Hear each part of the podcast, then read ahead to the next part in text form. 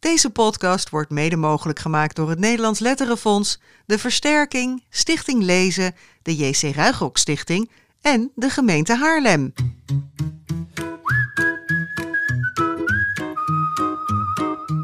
Vanuit kinderboekwinkel Kiekeboek is dit de 24ste aflevering van de Grote Vriendelijke Podcast over jeugdliteratuur. Mijn naam is Bas Maliepaard, kinderboekenrecensent van Dagblad Trouw. En tegenover mij zit Jaap Frieso van jaapleest.nl. Nog steeds, ja. Ja, en het is alweer even geleden dat we hier op onze vast, vaste stek zaten, Jaap. Want in eh, december maakten we natuurlijk die live eindejaarspodcast. Ja. En de laatste in januari was bij Tonke Dracht thuis. Nou, En wat heeft dat ons opgeleverd? die dat was me er eentje, hè? Ja. Nou ja, eh, we hebben twee afleveringen online gezet en daar is toch wel heel veel op gereageerd. Gelukkig ook heel veel naar geluisterd, maar ook heel veel op gereageerd. En ik merkte ja, dat, dat we wel iets los hebben gemaakt over... Maar Tonke vooral zelf natuurlijk, hè? Tonke was fantastisch en mensen dat heel bijzonder vinden. Ja. Dat, dat zo'n mevrouw van leeftijd en... eh, ja, Nou, we, we hebben echt, hij staat nu een maand online en we hebben nog elke dag reacties op die podcast Ja. gehad. Dus Ja. dat is echt wel heel bijzonder. Ja. En we hebben er ook heel veel uitgeprint ja. en naar haar opgestuurd. Leuk, en daar hebben we dan vervolgens weer over gebeld met haar. En eh, dat. eh, Nou, ze vond het zelf een mooie ervaring. Dat is natuurlijk het, het wel heel fijn om te weten. En, eh, Toen wij de podcast opnamen, toen wisten we nog niet wanneer de Netflix-serie in de bioscoop Nee. zou komen. Maar, of in de bioscoop zeg ik, maar het is je gewoon, kunt hem op gewoon thuis Netflix. bekijken, is misschien handiger. Ja, Nee, ik, nee, maar ik ben in de war omdat de première wel in een Ja. bioscoop is. Ja, en wij gaan daar je, naartoe. Ja, leuk. Tuschinski, ja. 20 maart Ja. 2020 is dat. Ehm, en wij gaan daar dus heen. Ja, En we gaan ook nog een keer bij haar op bezoek, we hebben nog we een bedacht. bij haar op bezoek. Ja. Op een hele Om het bijzondere even dag. af- mooi af te ronden. Ja, precies. De ja. afdeling nazorg. Ja, precies.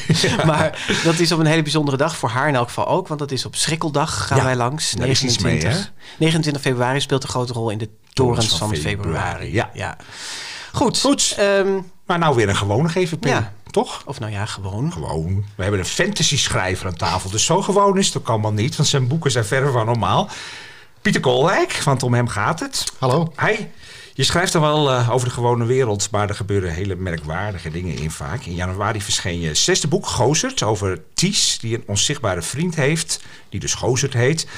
En daardoor telkens in de problemen komt. En eh, nou ja, daar gaan we het straks uitgebreid over hebben. Pieter, welkom. Ja. Leuk dat je er bent. Ja, leuk om de Gozerd. Gozert, zou hij zeggen. Leuk dat je Ja. Is dat een woord wat je al wel gebruikte? Nou, het wordt vooral vaak nu tegen me gebruikt. Ja, ja. Je krijgt heel vaak te horen, hé, hey, gozerd. ja. ja. Ja. Ehm, maar soms wel, ja. Ja. Want het, is, het komt uit Rotterdam, Ja, toch? het is? Rotterdams.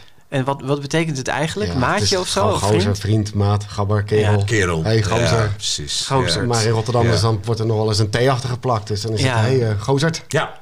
Hey Pieter, wij, we kunnen jouw oeuvre nog bijna uit ons hoofd leren. Hè? Want dit is, gewoon je, dit is je zesde boek. In 2012 debuteerde je met Flow en Stiekel. Heel goed. Als iemand dan vraagt naar jouw beroep, wat, wat zeg je dan? Eh, hangt er vanaf wie ik voor me heb. Oké. Ik ben nu een jongetje van acht en ik vraag aan Pieter, wat ben je? Uh, kinderboekenschrijver. Oké. en nu ben ik een keurige meneer van eh 52? Nou, over het algemeen zeg ik wel kinderboekenschrijver. Ja, dat is wel je beroep, Ja, ja. het is wel... eh, als ze met... eh, ik doe daarnaast werk ik nog part-time als ICT'er. Ja, Daar zeg ik toch ook wel dat ik ICT'er ben, hoor. ja. Ik vind het toch wel fijn. Ja, ja, ja. En, en, en doe je dat, die baan daarnaast nog omdat je gewoon nog niet van het schrijven kan leven? Ehm, ook. Eh, ook omdat er dan op deze manier geen druk is. Of minder druk. Ik mag nu. Ehm, daardoor kan ik de boeken schrijven die ik wil schrijven. En ja, heb ik niet het gevoel dat ik denk... oh, nou, eh, het wordt een beetje krap aan het einde van de maand. Misschien moeten we maar wat meer boeken gaan schrijven. Ja. Weet je, die trant. Het is nu veel meer... ehm, ja, ik denk dat ik creatiever kan zijn daardoor. Het is hopelijk ook gewoon een leuke baan. Ja, het is gewoon ook Ja, een leuke baan. oké, Ja, het is ja. ook gewoon fijn om, eh, om die afwisseling te hebben. Ja. Ja, dat kan ik me ook voorstellen, want er wordt natuurlijk altijd gezegd dat schrijven best een eenzaam beroep is. Dat. Dat je gewoon ook collega's hebt af en toe om je heen. Ja, dat is fijn. Ja, Ehm, ja, het, het is gewoon afwisselender op die manier. En soms is het vervelend, want dan heb je hele leuke dagen als schrijver. En dan eh, ben je weer als ICT'er aan de slag en is het heel vervelend. En andere momenten is het juist ook wel weer heel fijn dat het heel duidelijk is. Schrijven is heel creatief. En als ICT'er is het heel simpel. En een 1 werkt wel en een 0 werkt niet. Ja. En dat zijn de twee Oh, smaken ja. die je, ja, dat zijn de twee smaken die je hebt. Zeg Oké, maar. Nou, En zo simpel vind ik dat niet. Maar, eh, ambieer, ambieer je het wel, fulltime kinderboekschrijver zijn? Ehm, nou, op het moment vind ik het wel goed zo. ja. En voel je, ben je je wel steeds meer kinderboeken schrijven gaan voelen? Want ik kan me voorstellen dat dat ook langzaam groeit. Ja, dat is wel veel meer gegroeid inmiddels nu. Ik voel me wel daar ook zelfverzekerder in of zo, denk ik. Ja? Ehm, dus ja, ik voel me wel meer schrijver dan ik toen ik net debuteerde. Ja. Toen was ik een debutant die een boek had geschreven. ja, en toen wist je ook nog niet of er meer boeken kwamen en hoe dat verder ging eigenlijk. Nee, dat werd geen idee. En nu heb ik zoiets, ja, die boeken die blijven wel komen als het aan mij ligt. Ja. Ja, mooi. dat, eh, hey, wij noemden, eh, Jaap en ik hebben jouw boek Gozert allebei al besproken. En wij noemden het je beste boek tot nu toe. Zie je dat zelf ook zo? ehm, En niet zeggen dat je laatste boek altijd je beste is. Hè? nee, nou ja... ehm, pff, ah, ja, vind ik echt gewoon heel erg moeilijk. Want ik vind, zo, ik vind dat ik dan mijn andere boeken tekort doe. Maar wat Ehm, vond je ervan dat wij dat schreven? Ja, ik vind deels een compliment en deels dat jullie mijn andere boeken tekort meedoen. Ja, nee, maar dat vind ik, als Ja. ik daarnaar kijk, je probeert je eigen gewoon wel per boek te ontwikkelen. En eh, ik wil geen one-trick pony zijn die ehm, iets doet en dat ze, dat ze zeggen, oh, dat is typisch Koolwijk. En dat doet hij steeds hetzelfde boek, hetzelfde boek, hetzelfde boek. En eh, dus ik probeer mezelf steeds wel andere dingen te laten doen. En of dat dan goed uitpakt of minder goed uitpakt, is natuurlijk een tweede. Maar ehm, het was wel het boek wat ik het lekkerste schreef. Ja. Nou, wel, dat ja. vind ik eigenlijk al een antwoord, als ik heel eerlijk ben. Ja? Ja, vind ik wel, ja. Ja, nou, het, is toch ook, het is toch ook niet erg om, om een in ontwikkeling in je eigen werk ook te zien? Nee, oh, zeker niet. Maar eh, kijk, weet je, lekker kunnen schrijven hangt natuurlijk wel eh, samen met het leven. Om het zo maar te zeggen. Eh Prutje schreef ik in een tijd dat mijn leven wel redelijk op kop stond, privé. Ja, vorige boek, hè? Prutje. Ja. ja. En ehm, toen ik Gozer schreef, was dat wel achter de rug. Dus had je veel Ja, meer ja. rust in je leven. Ja, en, dat werkt echt door in het schrijven. Ja, merk ik wel, ja. Dat dat gewoon wel veel meer... zat beter in mijn vel. Maar ook gewoon qua, qua ja, het karakter Gozert en de, de, de fantasiewereld om hem heen. Ja, dat schreef zich voor mij vanzelf. Dus... Nou, daar gaan we straks eh, uitgebreid over praten. Maar eh, zoals de luisteraar inmiddels wel gewend is bij aflevering 24... Boekentips. Boekentips. Ja, en ehm, in, in de eindejaarspodcast en in de speciale aflevering met Tonke Dracht hebben we geen boekentips gedaan. Hè, dus er lag nog wat. Eh, Ja. En dat komt eigenlijk wel goed uit, want in januari verschijnt er nooit zo heel erg veel. Dat zeg ik altijd tegen uitgevers. Als je nou gewoon met een boek op wil vallen, dat is met Gozer dus ook goed gedaan. Geef dan in januari of februari uit. Want dan verschijnt Ja. er zo weinig. Dat begint eigenlijk pas in april of zo weer een beetje op gang te komen. En dan moeten we als een gek lezen. Ja, precies. En nu zitten we te schrapen. Ja, dat is, nou, schrapen, Nee schrapen. hoor, maar daardoor hebben we ook nog wel wat boeken van eind vorig jaar eh, Ja, meegenomen. Vertel eens, waar beginnen nou, we het mee? eerste boek eh, niet. Dat, Dat is is nieuw, hè? net verschenen. Ja, dat heet Reis naar de Maan. Van John Hare, denk ik. Haar, ja, Hare schrijf je het. eh, Bij uitgever Lano. En het is een boek, als je het ziet, dan denk je... Ik had het eerlijk gezegd zelf eerst gewoon op de stapel gelegd. Van nou, dat geloof het wel. Want het ziet eruit eigenlijk als een non-fictieboek over zo de zijn wij recensenten. Hè? Nou ja, je selecteert krijgt zoveel boeken binnen. Ik alweer een boek over de ruimte en de maan. En eh, ik geloof het wel. Maar toen ging ik er toch even doorheen bladen. En het blijkt echt een geweldig grappig prentenboek te zijn. Over een schoolreisje. Het heet in het Nederlands Reis naar de maan. Beetje saai. Het heet Field Trip to the, To the moon. Ja, Ja. dat maakt het al iets... iets Dus eigenlijk excursie, hè? Of ja, schoolreisje. nou ja, het is een schoolreisje naar de, naar de maan. En er komt een, eh, een klas op de maan. En je ziet al meteen een jongetje dat een klein beetje achteraan schokt met zijn eh, tekenblokje en, eh, en krijtjes. En nou ja, die blijft uiteindelijk ook achter op de maan. Ja, want, eh, want de school eh ja, hij is een beetje suf. weer. Hij valt in slaap. Hij heeft niet zo goed door. Hij zit lekker te tekenen in zijn eigen wereldje.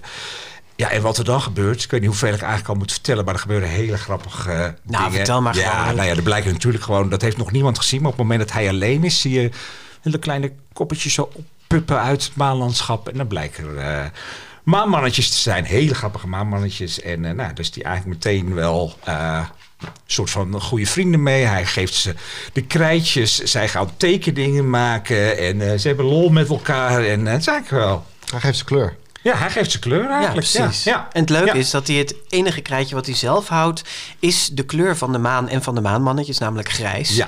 Eh, dus dat is de kleur die hij uiteindelijk ook weer. mee terugneemt. Hè? Mee Want hij gaat ja. weer mee terug naar aarde. En eh, nou ja, het is gewoon heel, heel, ja, heel grappig getekend. Het is een tekstloos prentenboek, dus dat is ook eh, heerlijk. En wat meteen wel opvalt, wat heel goed gedaan is... je ziet dat jongetje dus echt alleen maar in dat, in dat ruimtepak. Hè? Dus met zo'n helm op en zo'n wit pak en helemaal verstopt in dat pak. Dus je ziet zijn gezicht niet. Maar je ziet toch op een of andere manier steeds wel hoe hij zich voelt... of weet je wat er in hem omgaat. Door zijn houding, door de manier ja, waarop zijn hoofd erop is gezet. En nou ja, soms Ja, wel simpel dus- dat hij gewoon met zijn armpjes in de lucht staat... als, als de meester weer terugkomt en zo. Hè? Ja. Maar dat vind ik heel grappig gedaan. Dus het is daardoor helemaal niet abstract. En ook ja, die band met die maanmannetjes is heel lief en leuk Ja, gedaan. is met een leuk paar ja. verrassende kwinkslagen erin met die kleuren. Wat jij zegt, dat hij zijn kleur geeft inderdaad. Dus ja, een verrassend Ja, de, en, en, en die, die cover moeten ze gewoon echt gaan aanpassen hè, de volgende keer. Want eh, ik bedoel, eh, en het ligt, ligt ook heel erg aan het lettertype en de titel. Ja. Hè, ze reizen Ja. naar de maan, dat, dan denk je echt gewoon aan een, een non-fictie kinderboek.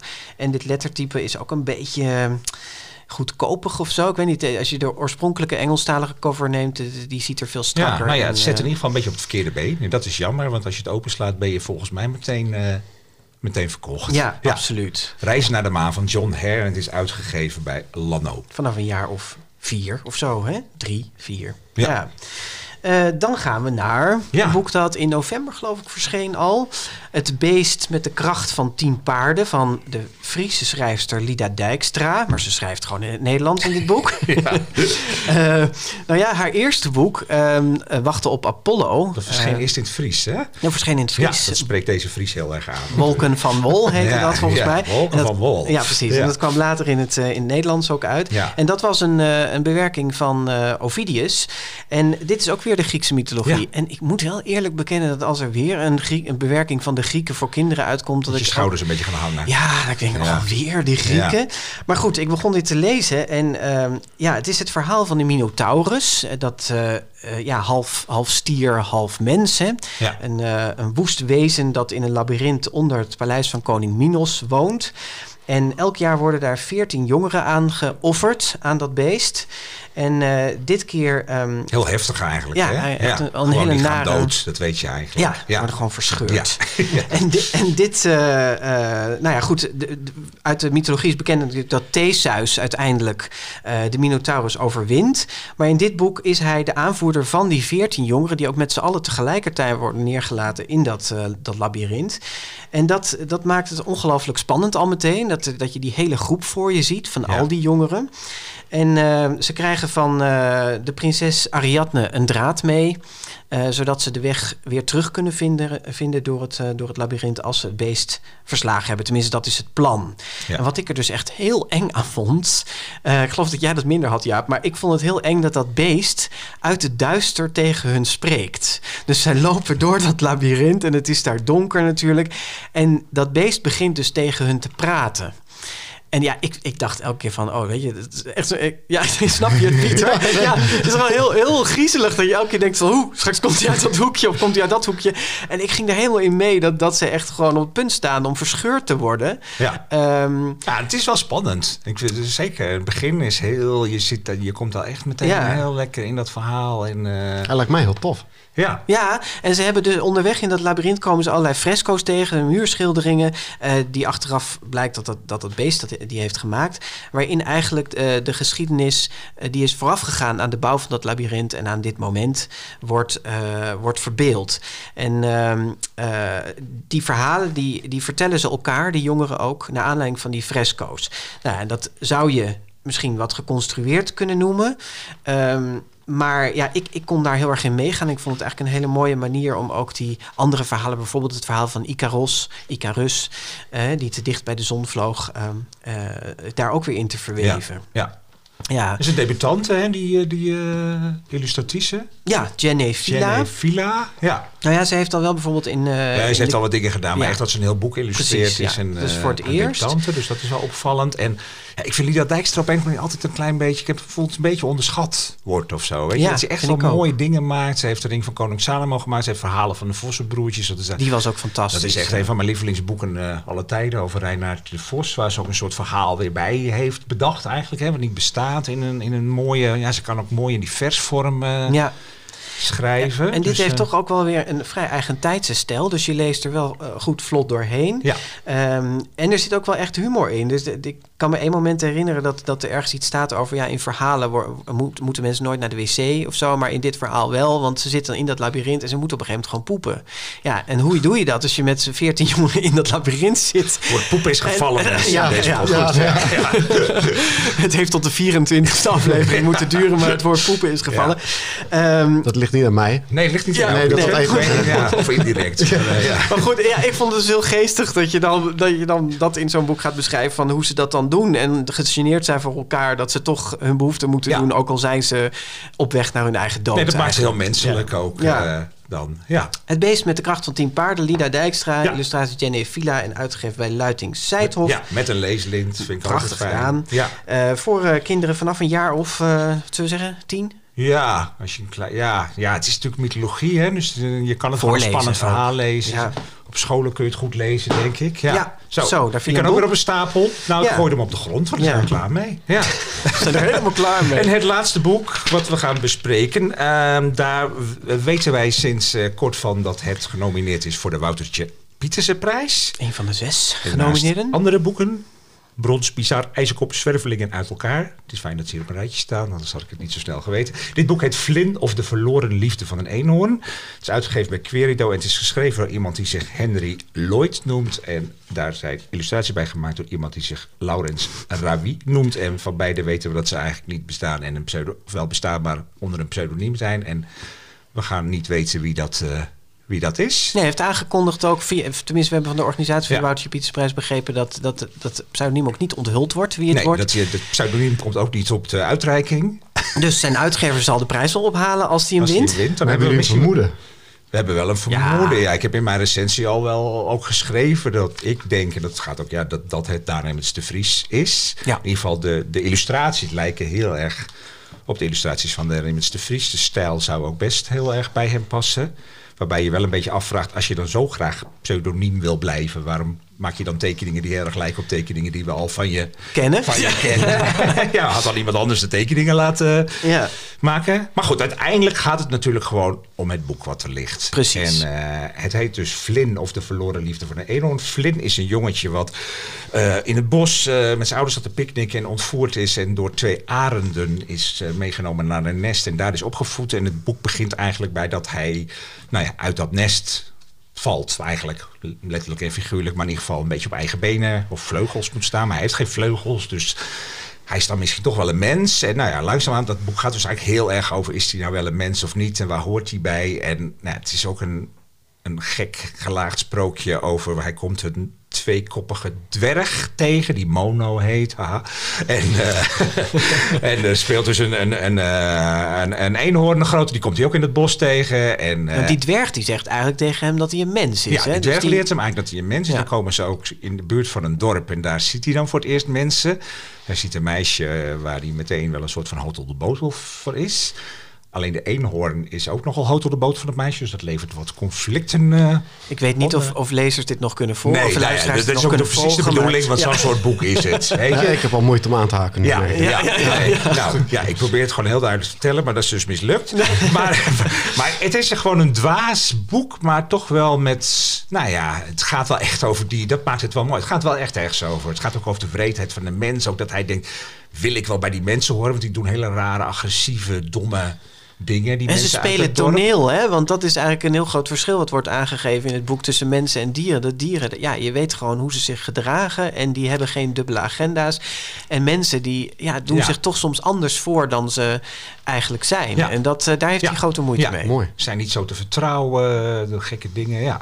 Dus maar het, het zou je moeten aanspreken, Ja, het Pieter. spreekt toch? me ook aan. het- Er zit Ja. ook heel veel humor in. ja, Eh, die, die dwerg is echt geweldig. Die scheldt en die tiert de hele dag met zichzelf. Dus die twee hoofden tegen elkaar. Ja. Die liggen constant in de clinch.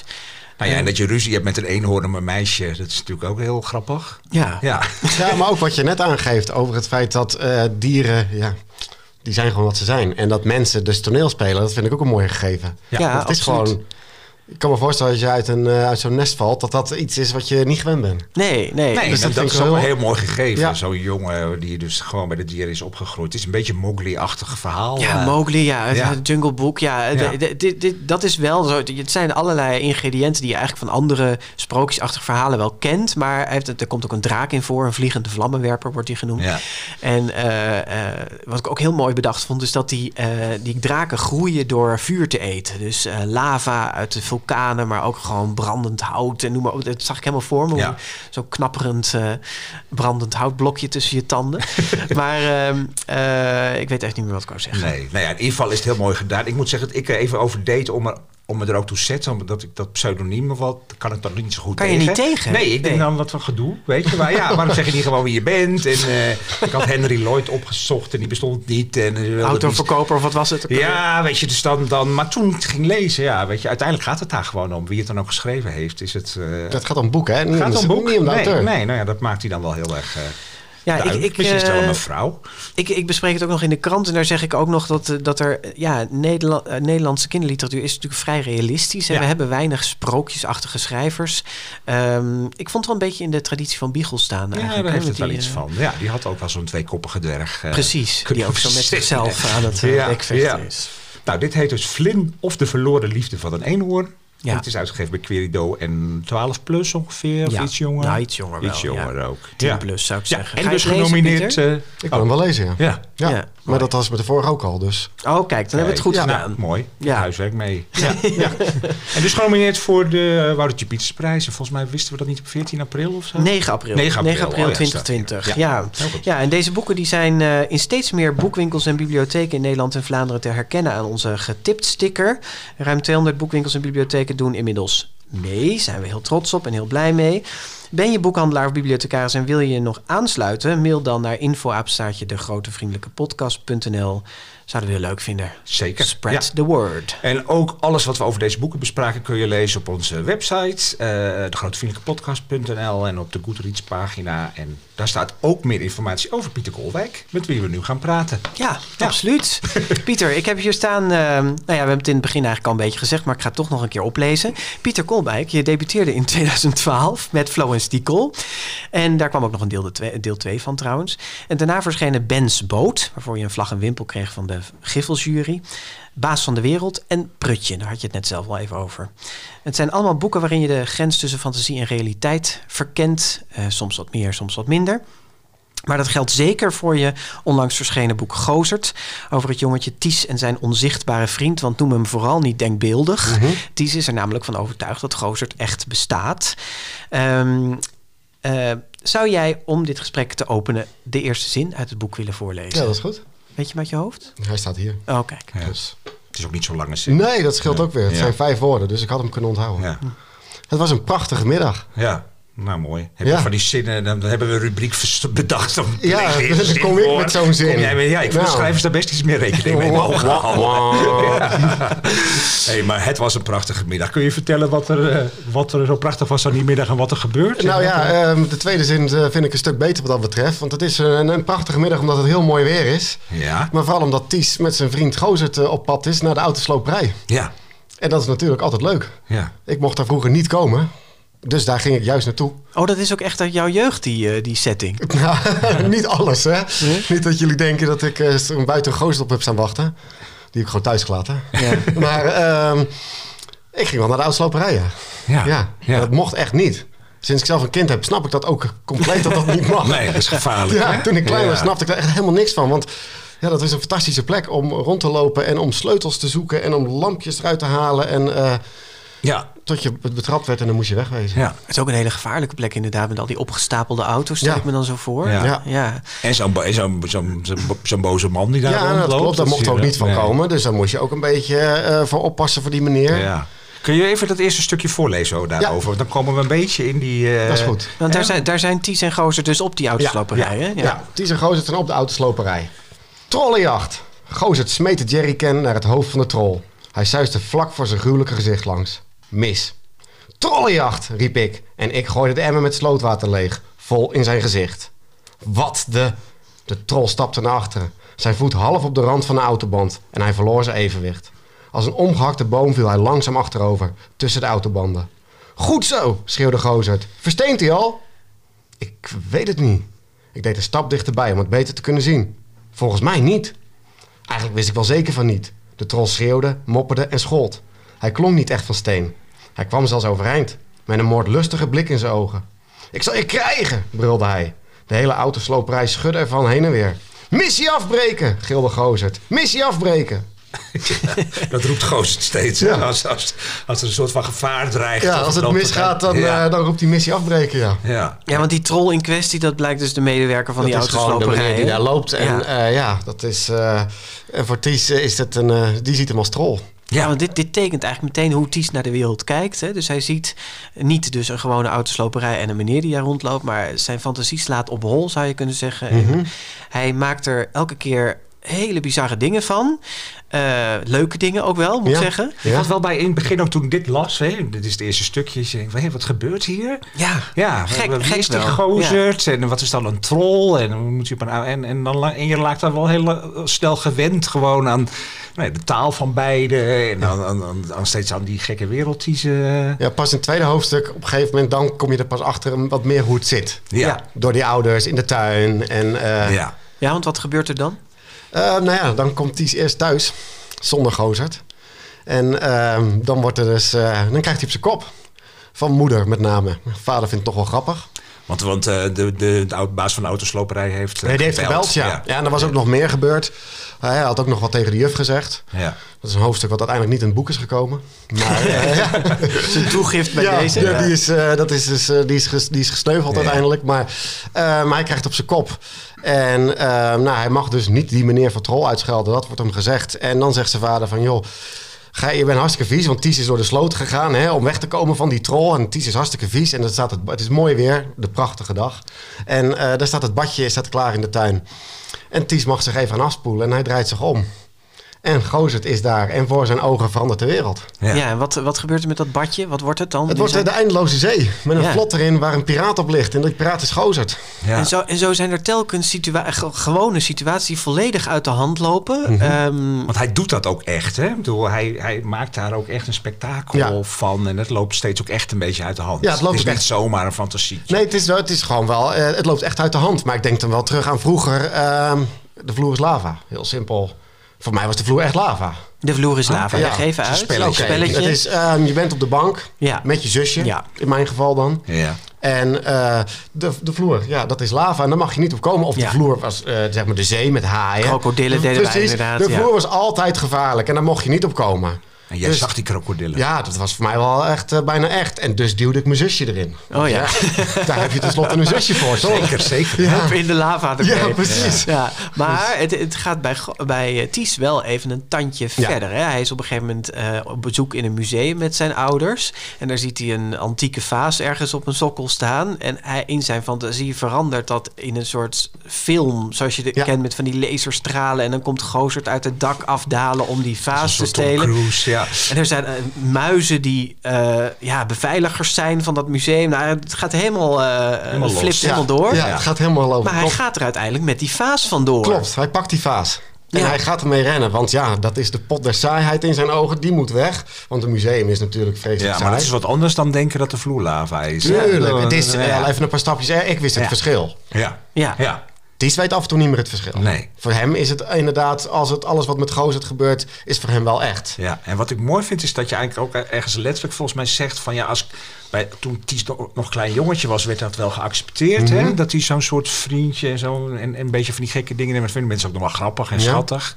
Maar hij is, hoe oud is hij in Hij is eh, een jaar of elf. Hij is een jaar of elf, ja. Ja. En dan begint het toch wel een beetje gek te Ja, dan wordt- gaat het een beetje knagen. Hè? En dat, Zorgelijk, hè? Ja, dan wordt het zorgelijk. En dan, ehm, dan vinden mensen het Ik wil niet zeggen dan wordt het zorgelijk, dan vinden mensen het zorgelijk. Ja. En ehm, als kleine kinderen zeggen dat ze een denkbeeldig vriendje hebben, dan is er niks aan de hand. Dan is het leuk. Maar als jij elf bent en je zit er in groep 7 of 8. En dan heb je een denkbeeldig vriendje. Ja, dat vinden ze. Dan, dan, dan eh, is het Dan raar. wordt het wel eens tijd om gewoon...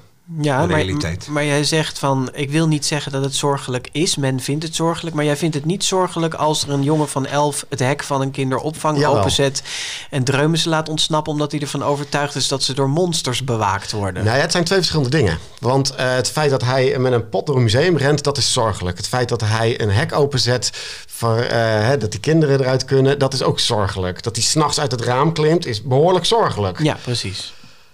Maar is het echt zo zorgelijk dat hij een denkbeeldige vriend heeft? Nee, dus die fantasie is misschien niet zo zorgelijk, maar zijn acties wel. Ja. dat hij er dat, acties aan ja, verbindt. dat is voor mij Ja. wel een wezenlijk verschil. Ja, maar goed, die acties komen wel voort, omdat hij eigenlijk bijna een soort opdrachten krijgt van die. Klopt, hij, krijgt, hij, hij gaat er wel in mee. Alleen, ehm ehm, wou je een bepaald... Even kijken hoor. Ja, dat kan wel. Nee, waar, ja, ik moet even kijken wat ik nog meer moest voorlezen. Of ik dan niks verklap. Ja. Je hoeft je niet Komt met het draaiboek. Nee, ik zeg, ja, jullie, jullie hebben nog eens plan. En dan kom ik straks en dan Ja. eh, verknal ik in één keer we het ons wel uit. Oké, Ja. oké. Ehm, waar waren we nu? Nou. Of het zorgelijk was of niet. En toen zei je, ja, nee, het, het hebben van een denkbeeldige vriend is niet zorgelijk, maar die acties die Ja, daar die, da- die acties zijn wel degelijk zorgelijk. Ik denk op het moment dat iemand een hele rijke fantasie heeft en natuurlijk nog wel het verschil kan zien, daar zit het hem gewoon in, dan is het niet zorgelijk. Ehm, toch, op het moment dat je op een lagere school bent en ik zet een stoel naast me neer en ik zeg, ja, maar daar zit mijn vriend.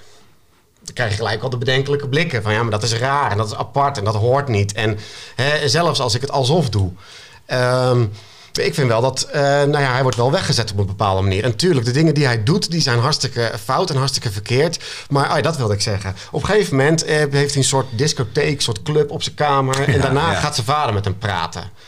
Ehm, die probeert wel echt met hem in gesprek te gaan. Die keurt het ook niet gelijk af. Die zegt ook niet gelijk, het is hartstikke verkeerd wat je doet. Die probeert daar toch wat in te sturen met zijn fantasie. Zijn vader heeft ook een soort heimelijk genoegen bijna in, hè? Ja, die vindt het ook grappig, ja. Ja. Ja, Ja. ja. Maar het is toch ook grappig? Het is ook grappig, Ja. maar ik snap de moeder ook wel Tuurlijk, weer. ik snap Ja. de moeder en of. Ik snap beide ouders heel Ja. erg. Ik nou, snap- daar, ik, ik heb daar meer mensen over gesproken die het boek al gelezen hebben. En ik had dat zelf ook heel erg. Dat ik ook wel heel erg medelijden had met die ouders. Want ik dacht, jeetje, je, eh, ik bedoel, je kunt, eh, dat doe je heel goed. Je kunt heel, heel goed meegaan in, in Ties en in zijn fantasie. En wa- wat er leuk is aan Gozert. Maar je voelt tenminste, ik weet niet. Ik heb zelf kinderen, dus misschien helpt dat mee. eh, maar dat je, dat je ook meteen wel verplaatst in die ouders. Dat je denkt, jeetje, als je toch zo niet meer kan doordringen in de wereld van je kind. Dat is ook wel heel heftig. Tu- dit is ontzettend heftig. Ik heb zelf ook een kind.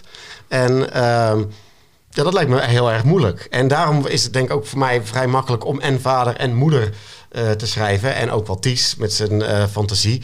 Maar ja, die van mij heeft ook wel eens dingen gedaan... dat ik de ouder moet zijn en met mijn vingertje moet wijzen... maar dat ik eigenlijk stiekem heel hard moet lachen, zoals vader. Ja. Maar er gebeuren ook wel eens dingen dat ik bij mijn eigen wel denk van ja, oh, daar maak ik me toch wel een beetje zorgen om. Dus ik kan die zorg, als het zo erg is, want dat, het is wat, wat Ties, hoe het met Ties gaat, is natuurlijk gewoon heel erg. Klaar. Ja. Het is niet zomaar even een denkbeeldig vriendje. Nee. Hij eh, luistert niet meer. Het is voor hem de waarheid en hij gaat er gewoon volledig in mee. Ja, en dat is wel heel zorgelijk. Maar was, was, was het lastig om die balans te vinden tussen hoe je de zorgen van die ouders erdoor laat sijpelen en dat je toch tegelijkertijd ook kiest voor de volle humor van al die belevenissen die Ties en Gozert meemaken? Ja, ik wil niet heel arrogant klinken, maar nee. Eigenlijk niet. Het is, dit was echt het makkelijkste boek wat ik gewoon geschreven heb. Omdat ik... eh ik Gozert zit wel in mij. Eh Ties ook heel erg. Maar ook eh, die vader. ehm, Had jij zo'n denkbeeldig vriendje? Ik had niet een denkbeeldig vriendje, maar ehm, ik verzin wel van alles erbij. Ja. Eh, op het moment dat ik met mijn dochter in het park loop en toen zij klein was, en dan heb je van die wildroosters. En ik zeg, joh, weet je waarom die zitten? Nou, ze van de kwaad in het borst houden. Ja, ja. Ja, helemaal niet waar. Dat is echt waar, serieus. Nee, Ja, ik zeg serieus. Op een gegeven moment liep ik s'avonds een keer hier zelf en toen hoorde ik er eentje roepen. Dus ik kijk, ik zeg, en dan hoef ik ineens over na te denken en ik zie hem bijna zitten. Ik weet, hij zit er natuurlijk niet, maar en op het moment dat zij dan Goed dat je dat er even bij zegt even trouwens. een ja. beetje kijkt zo van, hé, hey, zou die er toch gezeten hebben? Dan is het gelukt. Ja, dan is het gelukt. Dat Ja. vind ik dan wel heel erg mooi. Dat dan toch even weer die Ja. verbeelding op gang komt. Maar wat je nu vertelt, is dat eigenlijk dan dat je heel erg dicht bij, bij T staat en bij zo'n jongetje wat zo'n enorme verbeelding heeft en misschien zelfs een beetje op het randje. Nou, ik heb niet zo zin om met een witte jas om straks naar huis te gaan. dus ik wil gewoon wel weer eh, terug naar, naar huis. Maar Ja. ja, Nou ja, het gaat het natuurlijk heel erg over die, ja over die, die, grens, zeg maar. Ja. En ik zit wel in de buurt bij die grens dat ik daar makkelijk kom. Zal ik het zo zeggen? ja. Ehm, dus het is voor mij wel heel makkelijk om dat te verzinnen. En om daar met, met iets aan de haal te gaan. Roep maar iets en ik doe er wel wat mee, zeg maar Ja. zoiets. Maar Ties die zegt ook dat, dat hij Gozert nodig heeft omdat hij het gewone leven eh, zo saai vindt.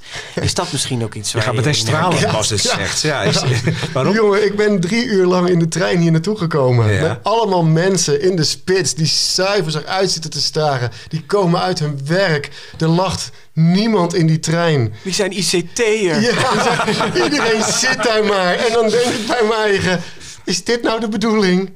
Is dit nou, ik snap dat de wereld zo in elkaar steekt, maar ja, ik heb gozer nodig in mijn leven. Echt waar, ik heb die fantasie nodig. Ja. Dus ja, dat is wel echt een ding. Ja, Ja. ik- ik- kinderen hebben dat misschien van, of misschien heeft elk mens dat als kind wel van nature meer hè, dan Ja. dat je dat als volwassene. Wa- Maar waar- het wordt minder. En dat is waarom, dat is echt waarom ik dit al heel belangrijk vind. Is, ehm, aan het begin zeiden jullie al, jij gaat op die grens zitten. Van eh, werkelijkheid en fantasie. Maar je zei ook van, hé, hey, dat is fantasie, dat zou je leuk vinden. Ik kies er bewust voor om op die grens te gaan zitten. Zodat een kind eh, ehm, het zichzelf misschien kan gaan voorstellen. Op het moment dat ik schrijf over een uh, wereld ver weg met een dwerg met drie hoofden. Ja, ja dan is het gewoon niet. Ja. Dan, uh, weet je, dan is dat misschien moeilijker te overtreffen. Terwijl als ik iets schrijf over iemand die in een regenpijp woont en daar uh, stiekem af en toe naar binnen gluurt. Ja, iedereen heeft een regenpijp. En misschien denkt diegene wel eens naar buiten dat. Trouwens, mijn idee nu voor iedereen die luistert. Dat het gestolen wordt. Ja, kijk eens naar de regenpijp. Ja. Niet dat iemand nu erover gaat schrijven. ja, nee, ik zal ook nooit meer gewoon over een wildrooster lopen. Nee, maar bedoel, dat, dat, vind ik dus wel gewoon heel erg leuk eraan om het juist op die grens te gaan zitten. Ja, en het, het dus in de gewone wereld te plaatsen. Ja, precies. Waardoor het heel erg. Zodat het hopelijk voor die kinderen ook. Um, ze worden zo vroeg wijs tegenwoordig. Ik geloof dat hij voor mij heel vroeg al googelde op uh, Sinterklaas. Of die wel of niet bestond. Oh, ja. En dat ik daar nog... Uh, of dat ik een grapje maak over de tandenvee. Ja, tandenvee. Weg, weg, weg fantasie, weg ja, magie. Google zegt dat je niet bestaat. Ja, en. Dat, dat vind, ik, vind ik jammer. Dat, vind ik, dat hoort bij kind zijn. Uh, je verwonderen over dingen. En, um, maar hoe, hoe komt het dat... dat dat dat zo snel nu weggaat, die fantasie? Tenminste, als ik jou goed beluister, dan is dat ja, zo. ik ben wat dat gaat geen psycholoog. Um, ik denk wel dat het met digitale tijdperk te maken heeft. Um, dat we, de, ja, er is veel meer op te zoeken, veel meer te vinden. Kijk naar de wetenschap. Ik denk dat wij als volwassenen ook, uh, dat er veel minder... Uh, ik weet niet of het zo is, maar vroeger was het bijvoorbeeld veel meer normaal dat mensen geloofden in God. Er is minder mysterie. Er is minder mysterie. Ja, ja. En nou zie je ook wel eens dat er mensen zijn die wel in God geloven. Die worden bijna op een bepaalde manier weggezet. Van ja, doe even normaal, want he, dat kan helemaal niet en dat bestaat niet. Uh, er is zoveel uitgezocht met de wetenschap. Ja, verdwijnt daardoor niet een beetje de mysterie, een beetje de magie uit het leven? En ja. dat vind ik wel eens jammer. Ja, en we leven ook een enorme beeldcultuur, waardoor, bedoel, jij bent heel erg van de verbeelding. Om ja. het juist in je hoofd te bedenken. Mm -hmm. Terwijl de kinderen natuurlijk heel veel gewoon naar nou, precies. alles dat, zien ja. ook meteen. Ja. Nee, het is een goed punt, want je ziet alles op beeld. Alles is op YouTube en het is gamen en het is dat. En Terwijl je hoofd kan alles verzinnen. Alles. Ja. Tenminste, bij mij dan. Ja. Maar de, de, de alom beschikbare informatie over van alles en nog wat, dat, ik vind dat eigenlijk ook wel een, een scherpe. Dat, dat vind ik een hele scherpe, inderdaad. Want uh, er wordt ook heel veel gezegd al, ja, maar dat kan toch niet? Als ik dan in de klasse kom en ik ga vertellen over uh, een van mijn vorige boeken. Ja, maar dat kan niet. Neem bijvoorbeeld het Bens boot met het grafje Ja. in de tuin. Ja, maar dat kan helemaal niet. Je mag geen graf in Nee, dat kan niet. En daar komt wel iets... Oké, maar in mijn boek mocht het er ook niet. Hè? En eh, dus daarbij merk je wel... Dat wordt heel snel wordt er afgekaderd. Ja, maar dit kan niet en dat kan niet en dat mag niet en dat bestaat niet. Ja, even voor de luisteraar die het niet kent. De hoofdpersoon eh, heeft een, eh, zijn overleden broertje ligt in de achtertuin bij Ja, hun. Hè? klopt Het graf Ja, van daar speelt ja. de vader ook een grote rol. Ja, klopt. Ja. in. Ja. Maar, maar Ties komt wel door die verbeelding hier en door die, die, die enorme fantasie met gozer toch. Nou ja, uiteindelijk wordt het wel echt een, een probleem. Het wordt met die echt een ouders. probleem, ja. Misschien wil je even een stukje voorlezen dat we weten hoe, dat verder gaat. Ja. Want, Het is, oh, dat is nadat hij die pot in het museum... eh, ja, ja, dan wordt het wel echt zorgelijk. Ja, hè? ja, dan denken die ouders, nu ja. moeten we wel iets. Pas een uur later zaten we weer in de auto onderweg naar huis. Mopperen deden mijn ouders niet meer. Blijkbaar was hun moppenpot helemaal leeg gemopperd. Ik ga een afspraak maken bij dokter Kees, was het enige wat mijn moeder zei. Mijn vader keek me via de achteruitkijkspiegel aan. Zelfs hij keek bezorgd. Ik zei niets en staarde naar buiten. Daar rende Gozert in zijn strakke hardloperspakje.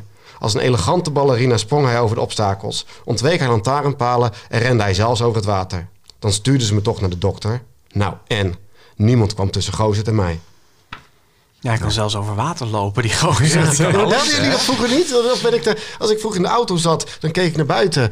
En dan liep er een denkbeeldig poppetje. En die sprong over dingen. En nee, ik zie niet. Ja, dat, dat ken ik wel een beetje, ja. Oké, ja, ja, oh, ja. ik was er geen poppetje, maar het was wel een soort balletje... wat ik zo over alles heen Ja, probeerde. En toen werd het op een gegeven moment tegengehouden. Dan kon het niet meer. Nee, ja. precies. Ja, goed. Maar Ik weet was je dat... normaal, denk ik. Ja, ik denk dat jij te normaal was. Ja. Jammer voor je. Ja, maar de vraag die vanaf het begin natuurlijk wel boven het verhaal hangt... is, eh, is Ties nou gek of niet? Mhm. Hè? Is dat voor jou ook een centraal thema in het boek, die vraag? Ehm, ik denk meer, wat is gek?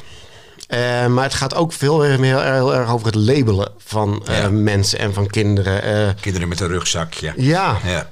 En dat is wel iets wat ik aan de lijve ook ondervonden heb op latere leeftijd. Ja, want Dus- jij, jij hebt in interviews dat je hebt ADHD, Ja, hè? klopt, ja. Ja, dat, Dat, heb je pas eh, later ontdekt. Ja, ik ben, nou ja, het was niet echt een verrassing, laten we het zo zeggen. Ja, ik wou zeggen, ik heb er nog niks van gemerkt hoor. is, eh, ehm, maar op een gegeven moment wilde ik het wel weten. En toen heb ik mijn eigen laten testen. En ehm, op het moment dat ik dus daar... eh, het was op zich wel grappig, want toen moest je allemaal, allemaal vragen invullen. En uiteindelijk ging die jongen die ging weg, die ging overleggen. Toen hij terugkwam, stond ik hadden, ze hadden zo'n ding met van die balletjes die aan elkaar... Dus daar was ik mee, uh, stond ik ergens achter in die kamer. Zat ik ook aan hun spullen te zitten. En ja. toen kwamen ze terug. en toen was niet het, echt je best om het te verbloemen. Nee, dat is... en toen zei die man ook, die zei van... Um, nou ja, hij zegt, je hebt ADHD. Ik zeg, oké. En uh, een van zijn tweede of zijn derde zinnen was toen... Laten we het dan eens gaan hebben over Ritalin. Ik zei, Ritalin? Hoezo? Omdat je ADHD hebt. Was zijn, ik zeg, ja, uh, dus. Ik zeg, dat is niet waar ik hiervoor kom. Ja, maar waarom ben je hier dan? Ik zeg, omdat ik mezelf beter wil leren kennen. Ik wil me kunnen ontwikkelen. En, Hoe oud uh, was je er inmiddels mee geworden? Ja, was gewoon een volwassen kerel. Ik had mijn dochter al, dus ergens naar de 30 was. Oké. Dus echt wel ja. wel. Uh, en daardoor, daardoor kwam ik ook dat ik tegen dingen aanliep en het gewoon wilde weten, zeg maar. En dus. En hij bleef daar best wel een beetje over doorgaan. En toen zei ik, van, ja, maar dat is niet wat ik wil. En ik ben uiteindelijk zelf naar een psycholoog gegaan. En daar had ik heel veel aan, want die hielp mij met bepaalde zaken. Maar die zei ook als ik zei, ja, maar dat vind ik zo moeilijk, want ik heb ADHD. Ja, nou en? Je bent een volwassen vent, dus je moet het gewoon doen. Ja. Punt. En dan is het moeilijk voor jou. Dus, en dat merk ik wel, dat ik daar... Um, dat heeft mij heel erg geholpen in het leven. En ik merk ook als ik dan nu op scholen kom... Um, ik was op school en er zat een jongetje helemaal in de hoek. En ik zeg tegen hem, ik zeg, waarom zit je in de hoek? Ja, hij zegt, ik heb ADHD. Oké. Okay. Een beetje aparte reden. Kom er gezellig bij. Dus ik schrijf hem tegen het bureau aan waar ik sta. Binnen vijf minuten, jongetje, vreselijk druk. Ik zeg, oké, ik zet je een beetje in het midden. Daar was je stil, hier was je heel druk. Misschien dat dat hem... En het werkte ook. En af en toe liet ik hem even wat uitdelen en zo. En aan het einde uh, bleef hij hangen. Dat zie je wel eens vaker als je op scholen bent. Dat kinderen blijven hangen. Ja. Dan wacht tot iedereen weg is, vooral de vriendjes. En hij komt naar me toe en hij zegt... Uh, ik dacht helemaal niet dat je zoiets kon worden met uh, onze ziekte. Ah. Nou, daar schrok ik gewoon wel van. Ik denk in deze tijd gewoon. Ja. En uh, ik zeg, nou ja, hoezo niet dan? Ja, uh, gewoon, want ja, ADHD. Ik zeg, nou ja. Kijk, administratiekantoor, nee, dat wordt hem niet. Je typt alleen wat sneller. Ja, nou ja, dat ja. Nou ja, maar toen heb ik wel aan hem gevraagd. Ik zeg, hoe ging jouw spreekbeurt? Ja, die ging heel erg goed. En toen legde ik aan hem uit ook. Ik zeg, er zijn kinderen hier in de klas die drie nachten niet slapen vanwege een spreekbeurt. Die zitten te huilen op de gang, hè? Hoezo dan? zeg, ja, dat is omdat andere mensen. We hebben allemaal onze voor- en nadelen. En ja. eigenlijk is dat gewoon. Uh, en, maar ik schrok er wel heel erg van. Ja, van het je hebt uitgelegd dat je gewoon ICT'er en kinderboekenschrijver kan worden. Ja, ja, dat kan gewoon. Dat maar is, uh, is hier, komt hier ook een soort missie uit voort? Dat je met dit boek misschien wel wil laten zien van kinderen die iets hebben. Uh, zij, ja, zijn niet per se anders of um, zijn niet meteen raar. Ik vind, ja, het, het is een missie, missie. Het is voor mij meer ik vind echt gewoon dat iedereen mag zijn wie die is. En er wordt soms heel erg op de barricades gesprongen voor uh, andersgeaardheid. Of uh, het, is, uh, het gaat over... Uh, Vrouwen. ja, of over Zwarte Piet gaat het over ja. andere kleur. Maar er is nog zo'n andere scala aan mensen die ook buiten de norm vallen. mensen met denkbeeldige vriendjes. Er zijn mensen die beweren dat ze andere dingen zien... in de paranormale zaken kunnen zien, zeg maar. Ehm, die zich daarvoor schamen. Het is voor mij heel erg het, het, oordelen van de maatschappij. Met z'n allen vinden we overal maar iets ja. van. En worden echt een hele hoop... Weet je, we hebben een soort norm gecreëerd. Jij zei net al, ik ben normaal. Nou ja, uh, jij liever dan ik.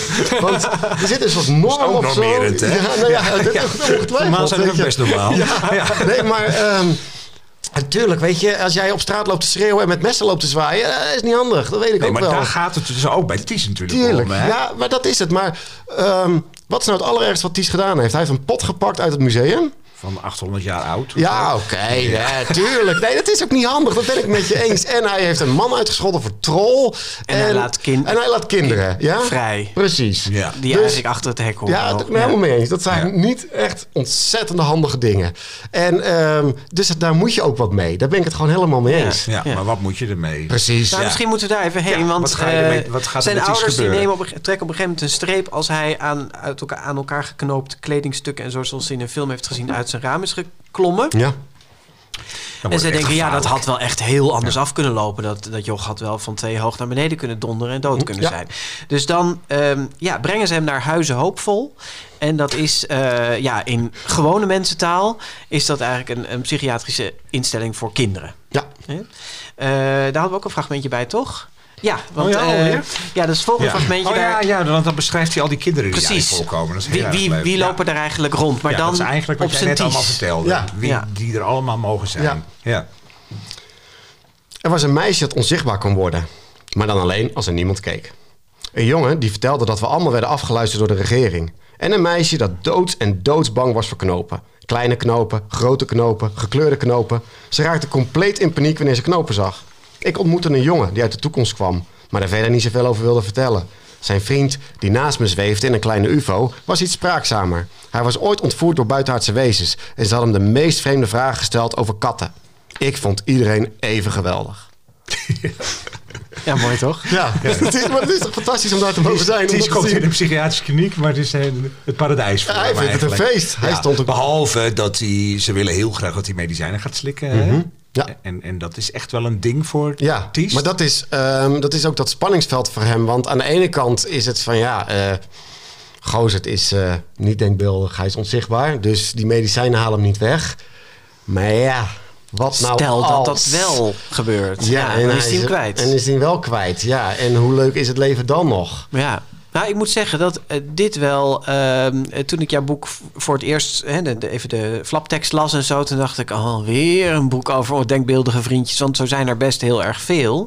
Maar ik Jullie zijn zo lekker open Ja, heel open. Wij staan, wij staan open voor elk boek, Pieter. ja, nou, anders had je hier ook niet gezeten. nee, want we nee, lezen namelijk ik ook zal nog. me recht graag, ik En, mond. Nou ja, je hebt in die zin de, de, mijn aanname daarover wel op dit punt heel erg eh, doen omdraaien. Omdat ik dacht van, eh, in de meeste kinderboeken is het inderdaad geen probleem om een denkbeeldig vriendje te hebben. Maar jij voert het net een stap verder door. En toen kwam die, die medicatie om de hoek. En dat is natuurlijk echt wel iets waar veel, eh, je hebt het net al over ADHD, waar veel ouders en kinderen tegenwoordig ook mee zitten. Met van ja, ga je wel in de medicijnen Ja. of ga je niet? Met andere aandoeningen of eh, gevallen. Ehm, is dat iets waar je. Hey, waarom heb je er over, over, voor gekozen om daarover te gaan schrijven, over die, over die medicatie? Ehm, eh, nee, het ging er vooral voor mij inderdaad over het in hokjes plaatsen en het labelen en wie is nou gek. Ehm, ja, en dan kwam toch al redelijk snel die, die... Toen hij bij de dokter kwam, kwam die medicatie om de hoek. En ehm, ik zal zeggen dat als ik schrijf het niet alles... Ik heb een, een grote lijn die ik wil opschrijven... maar dan ineens schrijft toch ineens die dokter medicatie voor. En dat was dan niet van tevoren overduidelijk mijn plan. En dan voel ik al bij mijn eigen ontzettende weerstand van... ja, maar dat wil ik niet. Hè? Dus en zo komt dat dan in het boek. Daarmee wil ik absoluut dus niet zeggen dat medicatie verkeerd is. Want Nee. dat kan mensen gewoon ontzettend helpen. Ehm, in Ties' geval ja, is het wel echt gewoon mijn weerstand die ik af en toe voel. Dat ik denk, ja, eh, er is nog wel een heel groot gebied tussen. Ja. En als ik soms het meegemaakt heb met kinderen die... Ik was vroeger gewoon een druk kind. Ja. En ik kreeg wat extra straf dan een ander. Zeg maar dat. En als ik dan nu zie dat sommige kinderen heel druk waren... en nu als een redelijk dood vogeltje in de klas zitten... en die cijfers toch niet, echt niet zoveel beter worden... ja, dat vind ik wel moeilijk. Ja, en dat geldt, voor, dat geldt natuurlijk ook voor dyslexie. Hè. We maken overal wel, eh, er zijn ook Ja. overal weer potjes voor. En, nou, eh, precies. ja, het is, eh. Nogmaals, ik wil daarmee niet, niet gelijk zeggen dat het allemaal maar verkeerd is en dat we al die rugzakjes af moeten schaffen. Maar het lijkt tegenwoordig wel eh, het rugzakje op zich. Welk rugzakje hoort bij wie? Dat Ja. het zo'n soort zoektocht aan het worden is. En eh, ja, ik vraag me wel eens af of dat wel eens, be- of dat wel eens goed is. Ja. Hey, en dan gaat Ties gaat dus naar die, dat huizen hoopvol. Dat klinkt heel leuk, maar zo... Ja, Ties vindt het er leuk, maar het is toch best echt gewoon een kliniek voor kinderen. Mhm. Dat is best, nou ja... In zo'n boek wat er heel vrolijk uitziet, denk je ineens... hé, hey, waar zijn we nu beland? Ja. Heb, je, heb je geaarzeld om, om die setting eraan toe te... Nee, eigenlijk helemaal niet. Nee? Nee? nee, vooral ook omdat het in eerste instantie heel makkelijk was om het vanuit Ties te beschrijven. Jee, logeren! Hè? En dat hij... eh, Hij ziet dat, dat, die kliniek ook voor zich als een kasteel. En het is prachtig. Ja. Zijn hele fantasie helpt hem daar van die dode plekken ook weer iets moois te maken. Die, die, het zijn een hoge kasteelgang inderdaad. Hij heeft een kamer eh, wat, wat eh, bijna een kampeerplaats in het bos is. En voor hem is het fantastisch, zeg maar. En Ja, en Gozer duikt daar ook meteen weer op. precies, en die, die vindt het van. ook nog helemaal te gek. En Ja. dan allemaal mensen. Hij mocht natuurlijk nooit logeren, omdat er altijd wat met hem was. Dus allemaal mensen waar voor zijn gevoel wat mee is. Dus dat vindt hij dan ook heel erg. Dus in eerste instantie niet.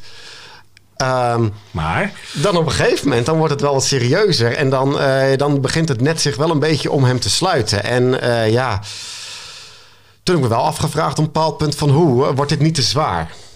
Maar er is, er is een, uiteindelijk een wending aan het eind die we niet kunnen weggeven. Want dat zou Nee. te veel eh, over het boek prijsgeven. Maar eh, het was dus wel een worsteling over hoe ga je dit boek nou laten nee, eindigen. nee, dat, nee, dat wist, was, dit wist, wist ik gelijk van tevoren. Dit is het einde. Dat, Ah, dat, oké, dat, moest. dus dat- dat, was Ja. voor mij echt heel belangrijk dat dat het einde moest zijn. maar dan ja. hoor ik het net verkeerd. Wat, is dan, wat is, was dan de worsteling op het punt dat je dacht van... Nee, dat, niet het einde, heen? maar meer, nee, meer dat je denkt van... oké, eh, dit is een heel leuk, vrolijk kinderboek... waar best wel al een beetje een, een, een laag in zit over... eh, hè, het Ties met zijn denkbeeldige vriend en eh, het rugzakjes. Maar op een gegeven moment wordt het toch wel wat zwaarder natuurlijk. Op een bepaald dat hij, uh, ja, hij moet, hij, net gaat zich om hem sluiten. Hij moet daar wat mee dan beland je niet in de vrolijkste Nee, en dat blijkt toch in die kliniek ook allemaal niet... Uh, hè? is een zombie-afdeling, hè? Waar zombies, ja. Dan, kinderen dan, helemaal platgespoten Ja, nou, dan, is het, dan is het eigenlijk best wel even zwaar. En dan, daar heb ik me dan wel over afgevraagd. Oei, is het niet te zwaar? Maar ja, dit was voor mij wel hoe ik het vond dat ik het moest schrijven. En... Het zit steeds een beetje op die grens tussen... is het nou nog grappig of is het pijnlijk? Hè? En dat, mhm. Maar dat doe jij wel vaker in je werk. Je noemde daar straks Ben's Boot. En daar zit dat ook heel duidelijk in. Hè? Dat, nou ja, het gaat over een broertje dat is overleden... en dat hij mhm. dacht dat hij begraven is. Maar tegelijkertijd gebeuren er allerlei kolderieke dingen... en voert eigenlijk de humor de boventoon. Mhm. Er zijn zelfs mensen, uh, begreep ik via Facebook, Twitter... die dat soms ongepast vinden. Uh, dat die, nou ja, die verhouding daartussen dan zoek vinden tussen de ernst wat er gebeurd is en de humor die jij daaraan geeft. Hoe zie je dat zelf? Ehm, ja, met Ben's Boot zie ik dat zelf niet. Uh, het doel voor mij was op dat moment, uh, mijn dochter vroeg aan mij: voor pap, als ik dood ga, word ik dan in de tuin begraven? Ja, uh, nee. Maar ja, dat, je hebt zelf kinderen, dan zeg je niet nee. Dan ga je erover praten. Alleen, er was net iemand overleden, dus ik zat niet zo goed in mijn vel ik, ik wilde van het gesprek eigenlijk een beetje af. Dus ik maakte er wat grapjes over, over de buren. En uh, zij ging naar bed. Toen dacht ik, oh, dat is wel heel erg een leuk idee. En toen heb ik het eigenlijk voor haar geschreven om op een later tijdstip aan haar voor te lezen, zodat we het er nog eens over konden hebben. Als ik wel goed in mijn veld. Dat was het idee. En de uitgever vond het ja, de moeite waard om uit te geven. Het heeft je uiteindelijk dus ook een vlag en wimpel van de Griffelsjuur opgeleverd. Maar bij dat boek zie je dat probleem dus niet, maar bij een ander boek wel? Uh, nou ja, ik las op een gegeven moment wel. Op een gegeven moment, dat is ook weer zo bijzonder, dan ga je jezelf googlen.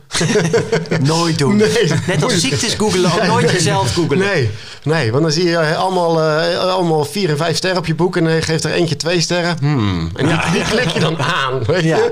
Waarom? En wat schreef diegene? En diegene die zei dus, ja, uh, het is wel overduidelijk dat Kolwijk geen gevoel heeft bij jeugdzorg en bij uh, mensen die de, echt met dit soort aandoeningen kampen. Hij heeft daar geen onderzoek naar gedaan. Hij dat ging over Gozert. Ja, ging over Gozert. En, die, um, en die, die zei toen uiteindelijk... Um, mensen die dit boek dan zullen lezen...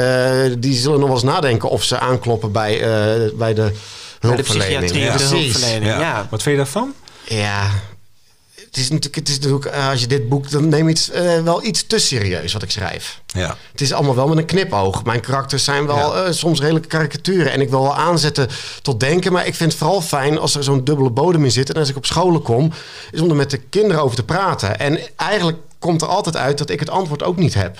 Ik weet niet wat goed Maar je stopt er wel bewust toch wel een soort van thema's, maatschappij. Ja, je kan pure fantasie schrijven. dat doe je niet. Ik stop bewust die thema's dus in om daarover te kunnen hebben. Om die discussie op gang te hebben. Alleen ik ga geen discussie met kinderen leiden.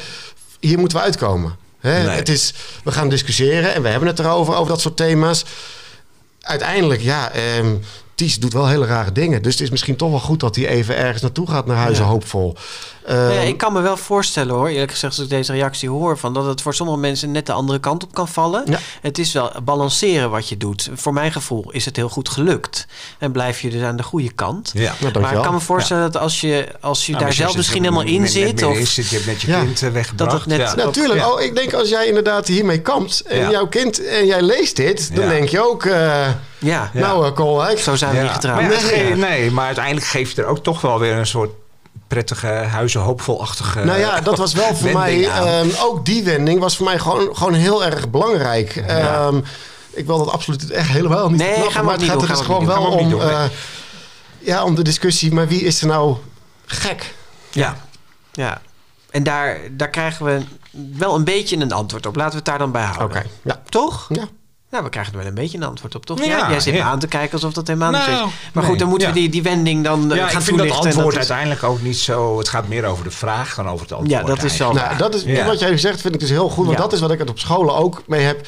Het gaat vaker over de vragen die ik in mijn boeken stop dan dat ik de antwoorden heb. Ik, kom op, ik ben ook maar Pieter Kool. Nee, ik vind het ook heel mooi dat jij zegt van je, je moet in al je vreemdheid en gekte en fantasieën moet je er kunnen zijn. Hè? En, mm we zijn heel normerend, maar uiteindelijk, ja, er zijn natuurlijk wel gewoon een soort kaders, ja, kaders die ja. nou eenmaal, hè, al hebben we die wel met de wet afgesproken. Ja. Dat we elkaar nou, precies. slaan dat, en nou, uh, dat soort... geen, geen mes in elkaars ribben steken, zeg maar. Nou, dat doet hij gelukkig allemaal niet, nee. hè, maar... voor, voordat mensen die indruk krijgen. Nee, hoor, een- maar eh, Pieter, ehm, eh, de- de- ja, wat we in het begin ook al zeiden... van al je boeken hebben die fantasievolle inslag. Is dat het pad waar je ook op verder wilt? Of zit je ook wel eens na te denken van... ik ga eens een totaal ander boek schrijven? Ik ga sowieso ook een keer een totaal ander boek Ja? schrijven. Ja, dat weet ik wel zeker. Maar dat is meer omdat ik... eh, ja, ik vind het gewoon fijn om ook steeds andere dingen te kunnen doen. Alleen heb ik nu wel een aantal plannen in mijn hoofd waar ik eerst mee bezig ben. Alleen...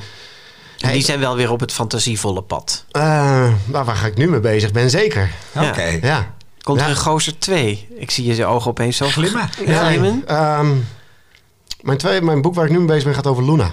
Ah, dat is het meisje wat eh eh, Ties tegenkomt in Huis Hoopvol. Ah, ja. Ja. Ja, Oh. en dat, eh, oh, dat vind ik Nieuws, heel leuk. nieuws, ja. nieuws. Ja. Scoop, scoop. Ja.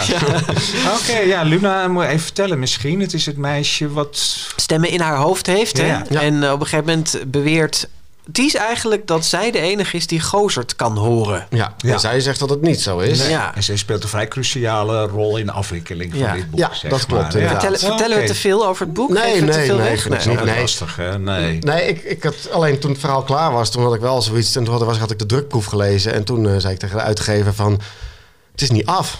Wat? Ja, nee, dit boek is wel af. Maar eh, Ja, het, dat personage. vanaf Luna, het is gewoon niet af. En Nee. eh, nou ja, daar hebben we toen over gesproken. En daar waren ze wel heel enthousiast over. Dus Ja. daar ben ik dan nu mee bezig. Het maar gozerinnetje komt eraan.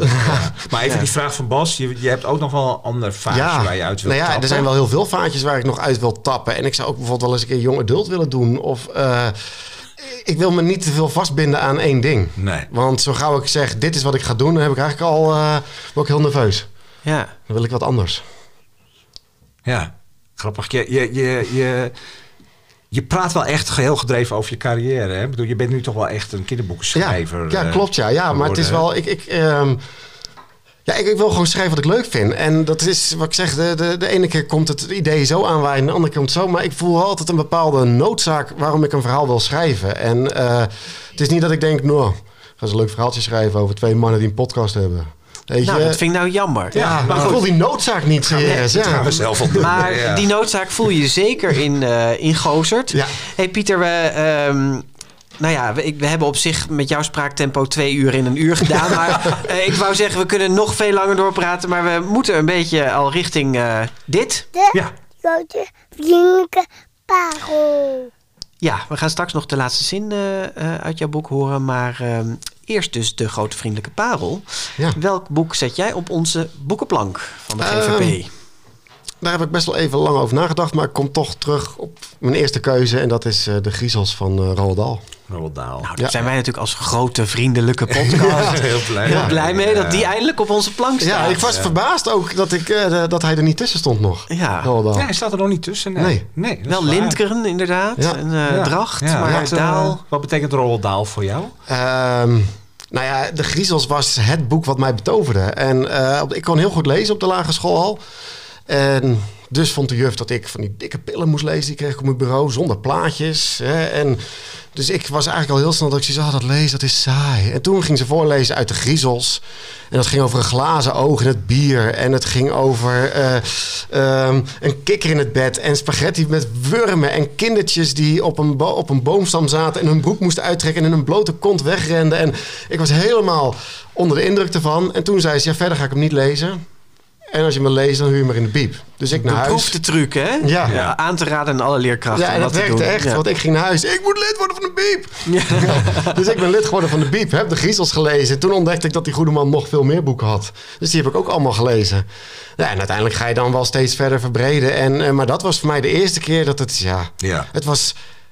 Het was fout. Het is net een beetje off. Het is een beetje... Maar wij hadden het ook in aanloop naar het voorbereiden van deze uitzending over wie is, met wie kun je Pieter Koolwijk nou een beetje vergelijken of wie, door wie is die beïnvloed of zo. Dan kom je toch ook wel echt bij Roald Dahl. Beïnvloed wel, ja. Vergelijken? Nee, vergelijken niet Beïnvloed. meteen, ja. Ja, Ja, nee, ja, nee, dat zou je wel willen, hè, nou, maar, vergelijken. ehm, nou, nee, ja, Nou ja, wat, wat Daal natuurlijk ook heeft, is, die, is die, dat het soms pijnlijk is, maar ook heel grappig. Hè? Ja. Dus dat die, Ja. En het speelt zich ook gewoon af in onze wereld. Het is Ja. gewoon een meisje in de klas die telepathische krachten heeft. Eh, Ja. eh, ik was ontzettend... Mathilda bedoel je, ja. Precies. En ik was ontzettend onder de indruk van eh, eh, de heksen. Ja. Het einde.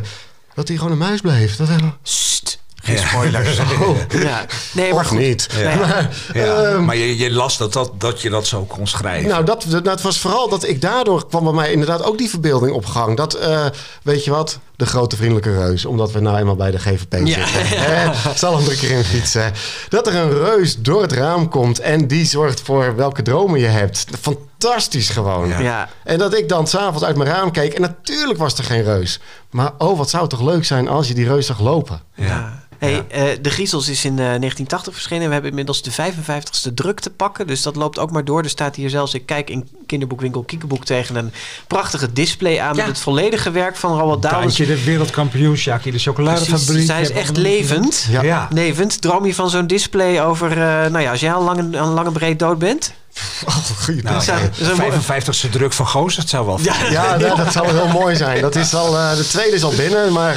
eh, Oké. Ja, nee, Ja. dat is. eh, ja, weet je, daar denk ik eigenlijk helemaal niet over na. Ook snel trouwens, de tweede druk. Ja. Hallo, ja, nu- vorige maand verschenen. Ja, was al voordat hij verscheen, tweede druk. Oh, ja? Nou, kijk aan. Ja. Dat is Zou je- gewoon 100 gedrukt weer eens. Nee, nee, nee, nee, gewoon echt wel eh 102. Zou, zou, zou je de laatste zin willen voorlezen uit Gozert? Ja. En dat was het allerbeste gevoel in heel de wereld. Ja. Sluit het positief af, toch? Ja, Hè? maar dat vind ik heel belangrijk. Ja. ja, vind je dat belangrijk? Ja. Ja. Ja, ik gaf net al een ongelooflijke spoiler Ja. over een boek wat ik... eh, ja, daar was ik toen echt van slag. Dus ik vind voor mijn boeken, mijn jeugdboeken, vind ik het echt heel fijn dat er een, eh, een feel-good einde aan zit. ja. Nou, dat, dat is bij dit boek, bij Gozerts. Ja. En eh, ja, wij hebben er erg van genoten. En, eh, Absoluut. Heel fijn dat je hierover wilde komen praten. Gozerts is uitgegeven bij uh, Lemmiskaat. We hebben nog niet gezegd dat de illustraties door Linde Vaas. Het is een beetje jouw Quinten Blake eigenlijk. hè? Ja, ja. Ja, klopt. Ze heeft één boek niet gedaan en Oh, de rest van mijn boek heeft ze allemaal eh, wel gedaan. Ja, Ja. ik ben er heel blij mee. Zijn jullie een duo of, of ken je haar nauwelijks? Nee, ik ken Linde wel vrij goed. Ja, Dat maar is, werken echt samen op die manier? Nou ja, weet je... of eh, krijgt ze jouw tekst en moet ze er maar zien wat ze... nee, ze krijgt in principe mijn tekst, maar ik hou er wel rekening mee. Ehm, bij Prutje zit er een stad eh, en ik heb haar op een gegeven moment geappt. Ik zeg, joh, wat wil je? Een stad in de wolken of iemand, iets rondom een waterval of eh, om, rondom een berg? Ja, ze, ze kan niet kiezen. Ik zeg, nou, heel veel succes dan, want dat krijg je allemaal. Ja. Ehm, bij Gozert heb ik wel echt op een gegeven moment nagedacht over die fantasiewereld. Heb ik wel echt Linde in mijn achterhoofd gehouden. En bij sommige dingen denk ik wel van nou, ik wens je heel veel succes. Ik vind het wel leuk om te kijken of ik haar daarbij wat uit kan dagen. Ja, Ja, ja. ja. Dus eh, Nou, dat is gelukt. Ja, zeker. Ja. Reageer eh, op deze aflevering. Graag, graag. Dat vinden we altijd hartstikke leuk. Eh, geef ons een review in je podcast-app. En volg ons vooral ook via sociale media. Facebook, Twitter, Instagram of Goodreads. Kan allemaal onder schuine streep de GV-podcast. En eh, Pieter, jij bent ook actief op sociale media. Hè? Dus we zullen klopt, jou ongetwijfeld de komende tijd nog even gaan taggen. Ja. Ehm, op woensdag 26 februari 2020 namen we deze podcast op in... 2020? Ja, 2020. Dat Oh. vind ik nou gewoon leuk. Mag ik dat niet even zeggen? Jawel hoor, maar ik zeg 2020. Goed. Op woensdag 26 februari 2020 namen we deze podcast op in kinderboekwinkel Kiekeboek aan de Gierstraat in Haarlem. Dank aan onze technicus Mark Brouwer. Eind maart zijn we er Dan weer. zijn we er weer. Tot dan.